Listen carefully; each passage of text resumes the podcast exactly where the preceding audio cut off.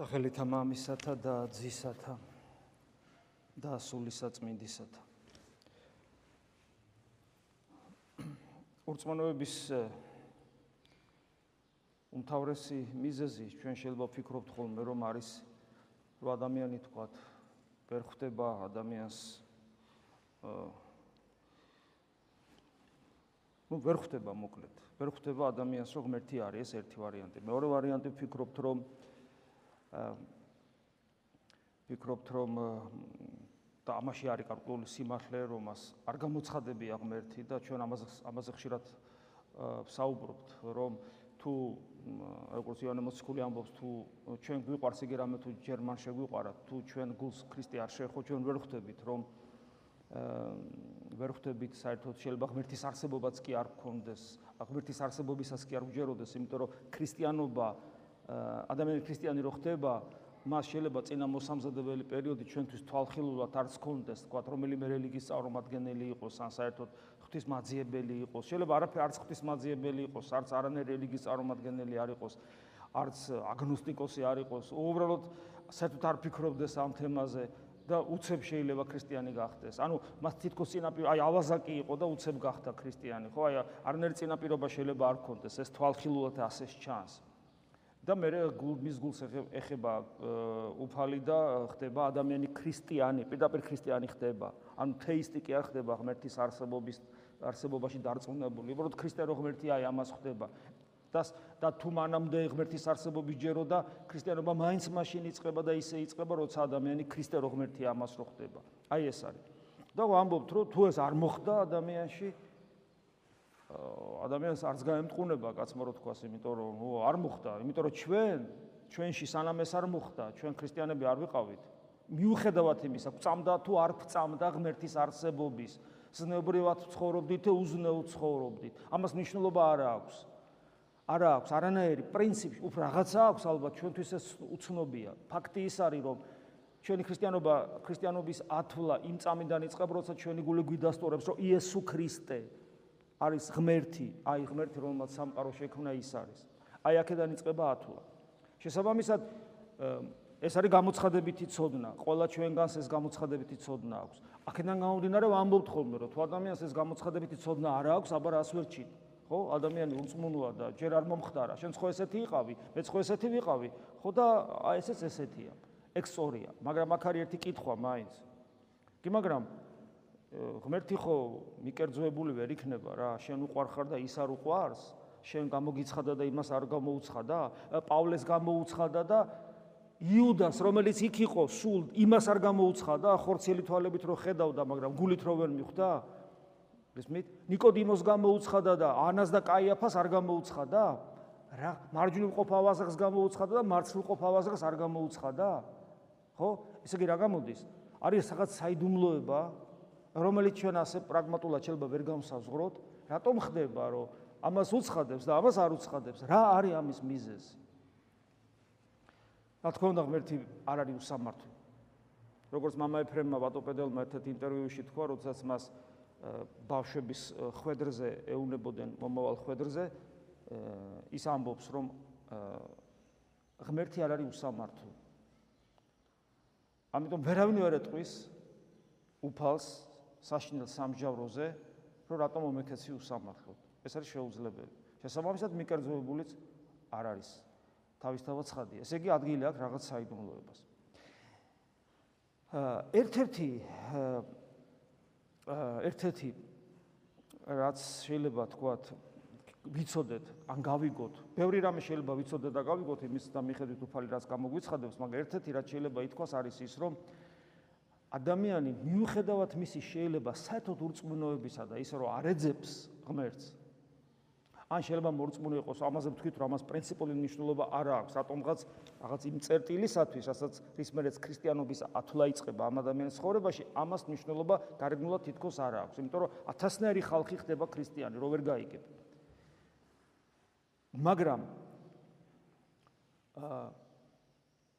ადამიანში ადამიანში ქვეცნობიერში ინტუიციურად მის უშინაგანეს არჩევანში რომელსაც თავის თავს არ უტყდება აი ხო არის ხოლმე ადამიანს რაღაცა აქვს, რაღაცა უნდა, აი თქვა ცუდი რაღაცა, არა ჯანსაღი. და თავის თავსაც რო არ უტყდება, თქვა, ხო? აი რაღაცა არის ადამიანში, რაღაცა არის ადამიანში. რომელსაც შეიძლება თავის თავსაც არ უტყდება, ანუ უბრალოდ არც აცნობიერებს, არც ფიქრობს, არც ხვდება, მაგრამ რაღაც არის ადამიანში, რომელიც მას ინტუიციურად უარაყოფინებს ქრისტეს, ანუ აძულებს ქრისტეს, მას ქრისტე არ უნდა. მისი შინაგანი წყობა, ისეთი მისი პიროვნული მდგომარეობა, მისი ხედვა სამყაროსი, მსოფლმხედველობა, არჩევანი, მოკლედ შინაგანი მდგომარეობა აქვს ისეთი, რომ ინტუიციურად გაურბის, გაურბის ქრისტიანობას. იმიტომ რომ ქრისტიანობა ჩვენ ადრეც ვთქვით და ხშირად ვიმეორებ, ეს არის კომფორტის ზონიდან გამოსვლა და დისკომფორტის ზონაში გადასვლა. ეს არის დინების მიმართულებით რომ მიცორავდი, იმიტომ რომ ამ სოფელს თავისი დინარება გააჩნია და ამ დინარების საწინააღმდეგოდ რომ შემოტრიალდები და ამ დინარის საწინააღმდეგოდ რომ იწყებ ცურვას თავისი თანმდევი განსაცდელებით. სხვანაირი ქრისტიანობა უბრალოდ არ არის. იწყებ ქრისტიანობას, იწყება დინების საწინააღმდეგო ცურვა, გამოდიხარ კომფორტის ზონიდან და იწყებ ომს, რომელიც გაგრძელდება შენს უკანასკნელ ამოსუთქვამდე. არასოდეს იქნება, არასოდეს. რომ მოეშვა და თქვა, რომ აი ახლა მორჩა უკვე ცხონებული ვარ და აღარ მჭირდება ბრძოლა. ესეთი რამე არასოდეს მოხდება. და აი შეიძლება ადამიანი ქოსნობიერად ამას გაურბის. იმიტომ რომ და კიდევ ერთი რომელიც ამასთან ამასთან ერთობაშია, აი რასაც ჩვენ საუბრობთ. ქრისტიანობა არ არის ღმერთის რწმენა უბრალოდ, ქრისტიანობა კონკრეტულად ქრისტეს მიმსგავსება, იმიტომ რატომ ამბობს უფალი, რომ ვიწრო და ეკლიანი გზა, ვიწრო კარები, რომელსაც ბევრი ეძებს და ცოტა პოულობს.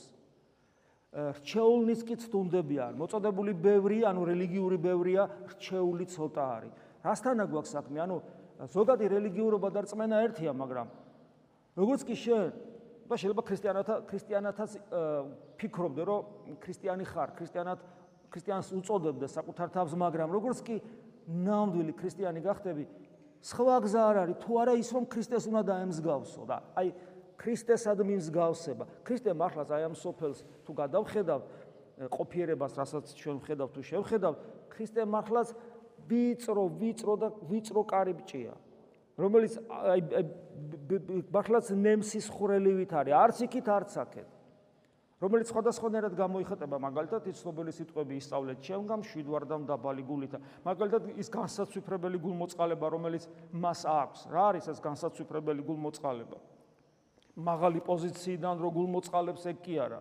უკიდურესად დამცირებული, ჯვარც ჯვარცმული შეურაცხყოფილი რომ კვლელებს კვლელებისადმი ავლეს გულმოწყალებას. აი ეს არის გულმოწყალება, თორე ზემოდამდგორი ქვემოდამ ქვემოთ ყოფის სადმი გულმოწყალება ეს ყველა შეგვიძლია. აი ქვემოდან ზემოთ არის რთული. ანუ ეს აი ეს უცნაური უცნაური მდგომარეობა, რომელიც აბსოლუტურად შეუძლებელია უბრალოდ ბიოლოგიური არსებისათვის. იმიტომ რომ ბიოლოგიურ არსებას თავისი თვით გადარჩენისა ინსტინქტი აქვს და შესაბამისად მისთვის შეუძლებელია ქრისტეს გავდეს. გამორიცხულია, არ შეიძლება. ბუნების საწინა ღდეგოა დინარის წინა აღდეგსვლა არის ეს. და ადამიანი ქვეცნობიერად ამას ეწინააღმდეგება.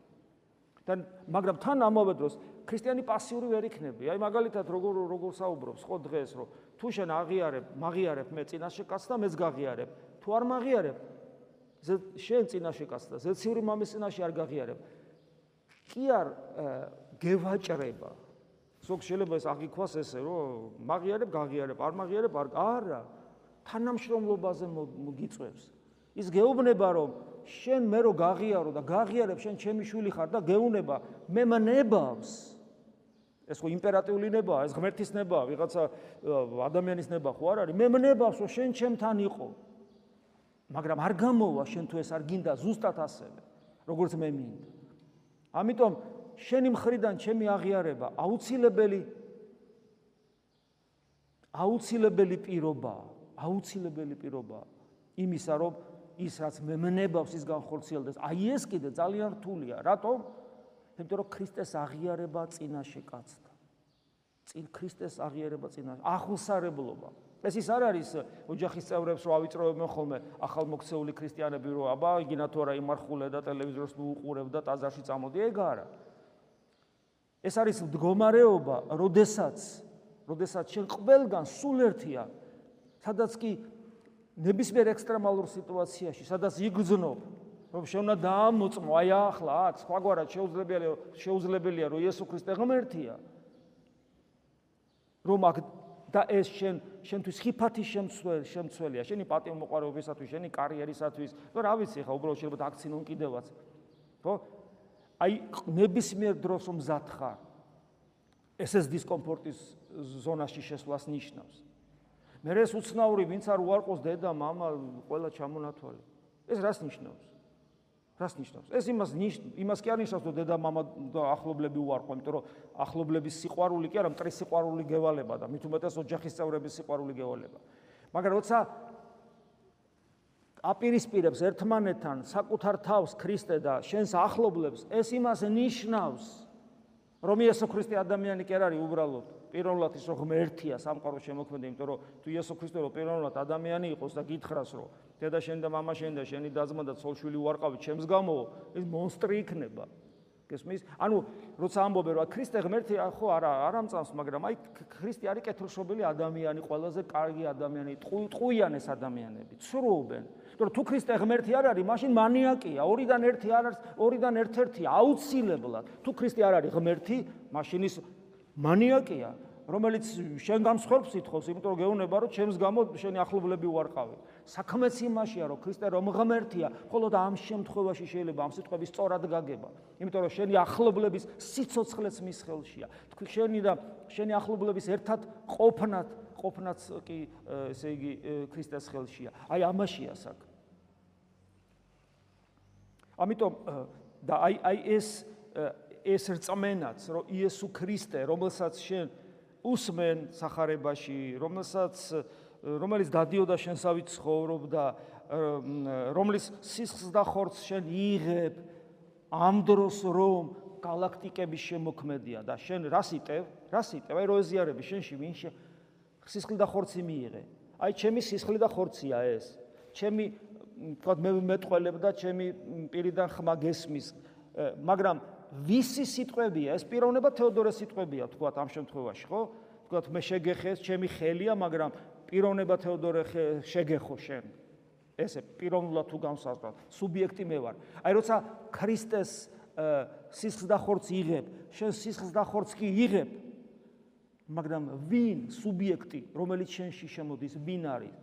აი ხედა ზემოთ ღამე და აი ვინც ყველაფერი ეს სიდიადე, ეს რაღაც საშინელი სიდიადე შექმნა. აი შემოვიდა შექმნა. ეს ის შემოვიდა შენში. ამის თვითონ ადვილი არ არის მემოდადე.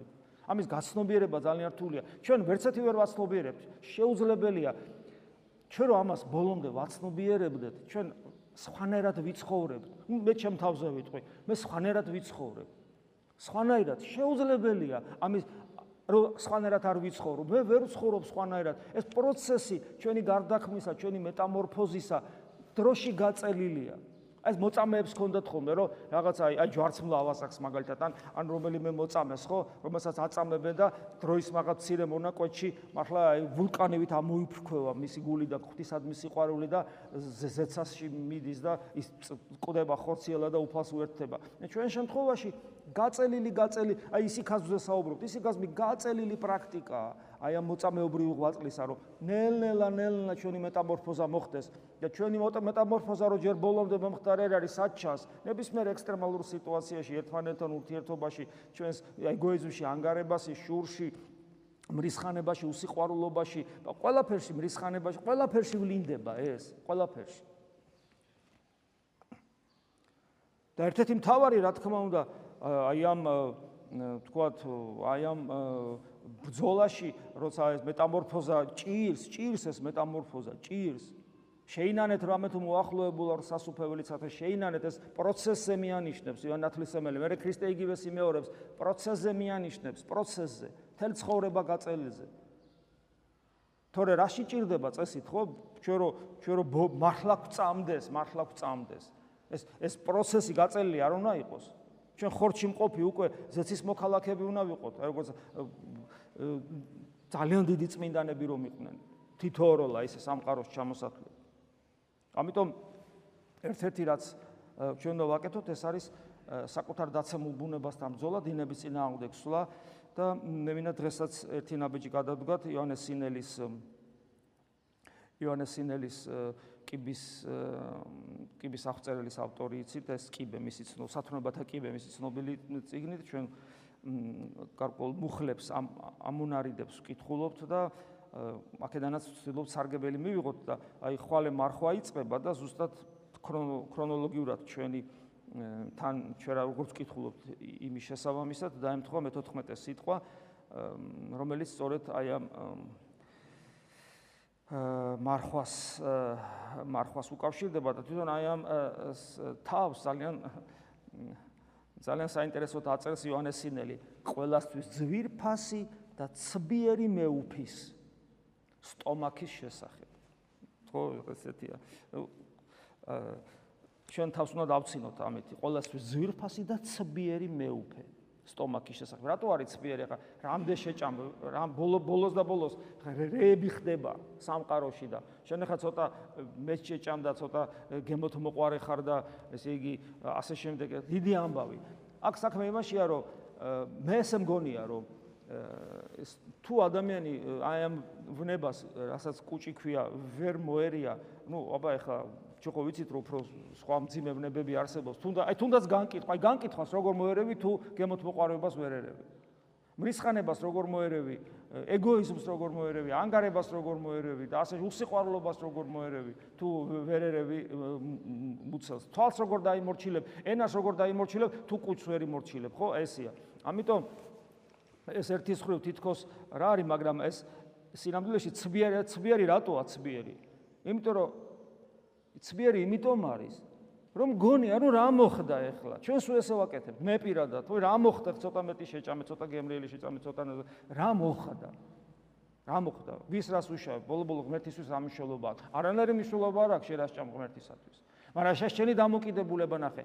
ცირასაც შენ ერთგულებას ვერიჩენ და დიდსაზე და ვინ დაგადგე. როგორ გახდები შენი გონების გონების მომხვეჭელი და მართველი რომ გულში ყავდეს და იესოსთან ერთად, ოდესაც კუჩვერი მორჩილებ. აი ეს არის. ამიტომ არის ის ცბიერი მეუფე, გატყვილებს. ერთი მუხლი ესეთია ამ სიტყვიდან, ეს მე-14 სიტყვა არის. ყველაზე მეტად თან ხვალე მარხვაა და კიდევ მეორე ეს ამ ხრივ კარგად დაემთხვა. ყველაზე მეტად სწორად ახლა ახლა საჭირო საკუთარი თავის წინააღმდეგ მელაპარაკა. სიმგაბლე იოანეს სინელის. ანუ ეს თავი რომ უნდა ისაუბროს მარხვაზე თავის თავისკენ გადაამისამართა ეს და საკუთარ თავის წინააღმდეგ მელაპარაკაო. იოანეს სინელი ამბობს, რომ მას ეს პრობლემა აქვს და წარმოგიდგენიათ ჩვენ რა დღეში ვარ. რადგან ალბათ კიდევ მეორე ჭამაში კი არ არის აქ. დამოკიდებულებაშია აქ. გემრიელ საჭმაში კი არ არის აქ. დამოკიდებულებაშია, მხოლოდ დამოკიდებულებაში.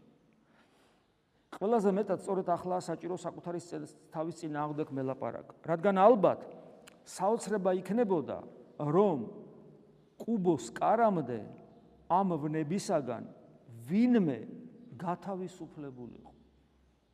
მოდან უშეგეშინდები. თუ კუბოს კარამდე არავინ არ თავისუფლდება. კუბოს კარამდე თუ არავინ თავისუფლდება და საოცრება იქნება ვინმე რომ გათავისუფლდეს, ამას თუ ივანეს სინელია.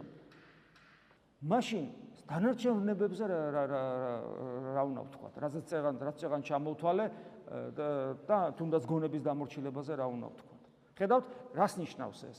ჩვენ გვაქვს 24 საათიანი ბრძოლის ჩვენ ვართ 24 საათიან ბრძოლის რეჟიმში შესულები ოღონ ამან კი არ უნდა შეგვაშინოს რატო? აი მეომრის ფსიქიკაზე ხშირად რატო საუბრობ მეომარი, ნამდვილი მეომარი, როცა იბრძვის, თქვათ ხო? ბედნიერია, მას უხარია, ეს უცნაურია. აი მაგალითად სპორტსმენი რო არის ორთაბზოლებში, რომლებიც გამოდის რინგზე იქნება, ტატამზე იქნება, ხალიჩაზე იქნება. სპორტსმენს უხარია, როცა ორთაბზოლას, ორთაბზოლა, მას უხარია. ეს ეს რაღაც უცნაური, უცნაური რამ არის ადამიანში, რომელსაც ადამიანი რო ადამიანს, რომელსაც ბძოლა ახარებს. და ქრისტიანი აი ეს არის. მაშინ ის ბედნიერებას პოულობს. ეს ეს ეს ეს მას ღირსებას ანიჭებს. ამიტომ, რასაც ჩვენ საუბრობთ, რომ ჩვენ სულ უნდა ვიბრძოლოთ კომფორტის ზონიდან გამოსულები ვარ და დისკომფორტში შევდივარ, დინების საწინააღმდეგოდ მივცურათ, ეს ჩვენი ბუნება უნდა გახდეს. კალმახმარო და ორაგულმა რო ლაპარაკი იცოდეს და რო უთხრა რომ არ გიჩვენია რა სწავლა ვაგე ეგდე ამ ლოქოსავით და იყავი შენთვის ის იუარებს რატო იმიტომ რომ ეს მისი ბუნების წინააღმდეგი იქნება ანუ დინების საწინააღმდეგო სლა ჩვენ ბუნებათ უნდა გადავაქციოთ და ეს პროცესი ჩვენი ბუნება რომ ამათ იქცეს აი ეს პროცესი ითხოვს ბრძოლას.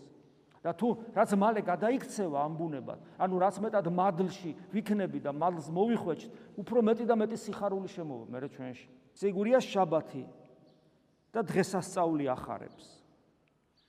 ხოლო ნაკროვანი მონაზონი შაბათს და კვირა დღეებშია გახარებული და საინტერესო რამ არის?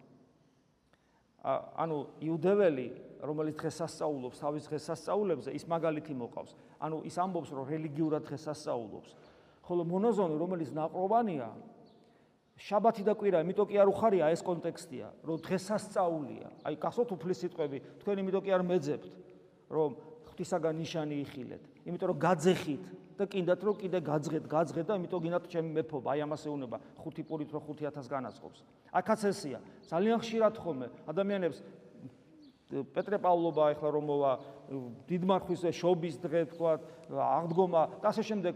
და იგივე შაბათკვირა როდესაც მონასტერში განსაკუთრებულად იხსნილებენ შეიძლება თევზით და ღვინით ერთი ჭიქი და ასე შემდეგ როცა განსაკუთრებულად ახარებს ეს ადამიანს. ეს ძალიან მნიშვნელოვანია რომ გვახსოვდეს რომ დღესასწაული რომელიც მაძლევს უფლებას ხორციელად გავიხსნილო ამ ხორციელმა გახსნილებამ არ გადაფაროს ეს დღესასწაულის სიხარული ამაზე ჩვენ ხშირად საუბრობთ ხოლმე და ეხლაც ამაზე გვეუბნები. მარხვაში დღებს ითulis, თუ რამდენი დარჩა აღადგომამდე და მრავალი დღით ადრე გეწყინებათ. ამზადებს სანოვაგეს, განსაკუთრებულად დედაკაცებს, მანდილოსნებს. აი ეს არის. ხო, ნაცნობია ეს ყველაფერი. აი აქ კიდევ ერთი რამ არის ნიუანსი, რომ ეს რო არ დაგვემართოს მარხვაში დღებს არ ვითვლიდეთ, როდის მორჩება, რომ ეს ეკპილები მიკაცკაცებს, როდის შევჭამ ხორცს და ყველს და ღვინოს დავლებ და ასე შემდეგ, ეს ვარ დაგვემართოს, ჩვენი მარხვა უნდა იყოს ჩვენი სულიერი მზაობის მომზადების შესაბამისი. იმიტომ რომ თუ ზომაზე მეტად იმარხულია, ეს დაგემართება და თუ ეს დაგემართა, შეს მარხვას აზრი არ აქვს. ანუ მარხვაც ამ შუალედში გადის.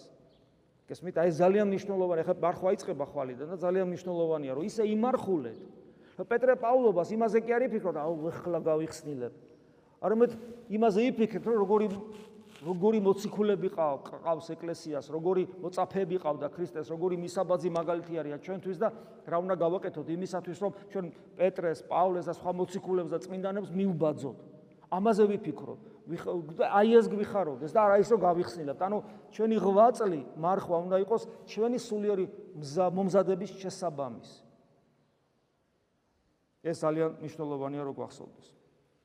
ასე რომ ვიცხოვროთ დინების ვიცხოვროთ ისე რომ ვიაროთ დინების საწინააღმდეგო მიმართულებით ჩვენ თავს ნუ შეუქმნით აი ამ ამასოფლიური გაგებით კომფორტის ზონას და ის რომ ჩვენი ჩვენმა გულმა დაგვიდასტურა რომ იესო ქრისტე ღმერთია და ჩვენ აქ მოვედით ჩვენ ბოლომდე მივყვეთ აი ამ ცოდნას და ამ გამოცხადებით ცოდნას და ბოლომდე ჩვენში რომ ბოლომდე რეალიზდეს ის რისთვისაც უფალმა მოგვიყვანა რომ ჩვენ თითქოს არც ათეისტები ვართ, არც აგნოსტიკოსები ვართ, არც სხვა თითქოს სხვა რელიგიის მიმდევრები ვართ, მაგრამ არ მოხდეს ისე, რომ აი აქ მყოფებმა ქრისტეს ძიება შევწყვიტოთ და დავემსგავთოთ იმათ, ვისაც ქრისტე არ აწამს. იმიტომ რომ ჩვენმა ქვეცნობიერმა ჩვენზე გამოიმარჯოს, ნუ იყოფინეს, არამედ პირიქით ვიომოთ, ვიბძოლოთ გამარჯვების ყიჟინა დავსეთ, რომელსაც აუცილებლად მოყვება შემდგომ სიხარულის ყიჟინას და როგორც დღეს წავიკითხეთ ებრაელთა მიმართ ეპისტოლეში აი როგორ ამთავრ ახალ ქართულად წაგიკითხავთ როგორ მთავრდებოდა ეს დღევანდელი საკითხავი იმიტომ რომ ჩვენ მარტონი არა ვართ ჩვენ უამრავი წმინდანები გვეხმარებიან მათ შორის მოციქულთა თავნი პეტრე პავლე და ყველა მოციქული და ყველა წმინდანი და აი გარემოცულებმა ჩვენს გარემოცულებმა მოწამეთა, ანუ მოწამე არ არის, მაგრამ ამ შემთხვევაში ყველაზე ასე, ვინც ქრისტეს ქრისტეს ღმერთობა დაამოწმა თავის ცხოვრების წესით, გარემოცულება მოწამეთა ღრუბლით, ანუ ძალიან ბევრი არიან, ჩამოვიშოროთ ყოველი ტვირთი და შემბოჭველი ცოდვა და მოთმინებით გავიბინოთ ჩვენს წინ მდებარე სარბიელი და ხედავდეთ ხედვიდეთ სარწმუნოებისა ჩვენისა წინამძღვარს და სისრულის მოქმედს იესოს. ანუ ეს თვალსაწიერში მუდამ გქონდეს ჩვენი ორიენტირი, ჩვენი შუქურა, ჩვენი ცხოვრების საზრისი, მიზანი, სიцоცხლე, ჩვენი სუნთქვა იესო ქრისტე. და მარტონი არა ვართ, ამაში უამრავი წმინდანი ჩვენი მეოხია, რომელიც ხარო პრობლემებს ხარობენ ჩვენი ამ სარბიელზე სწრაფვით იესო ქრისტესკენ. ამინ.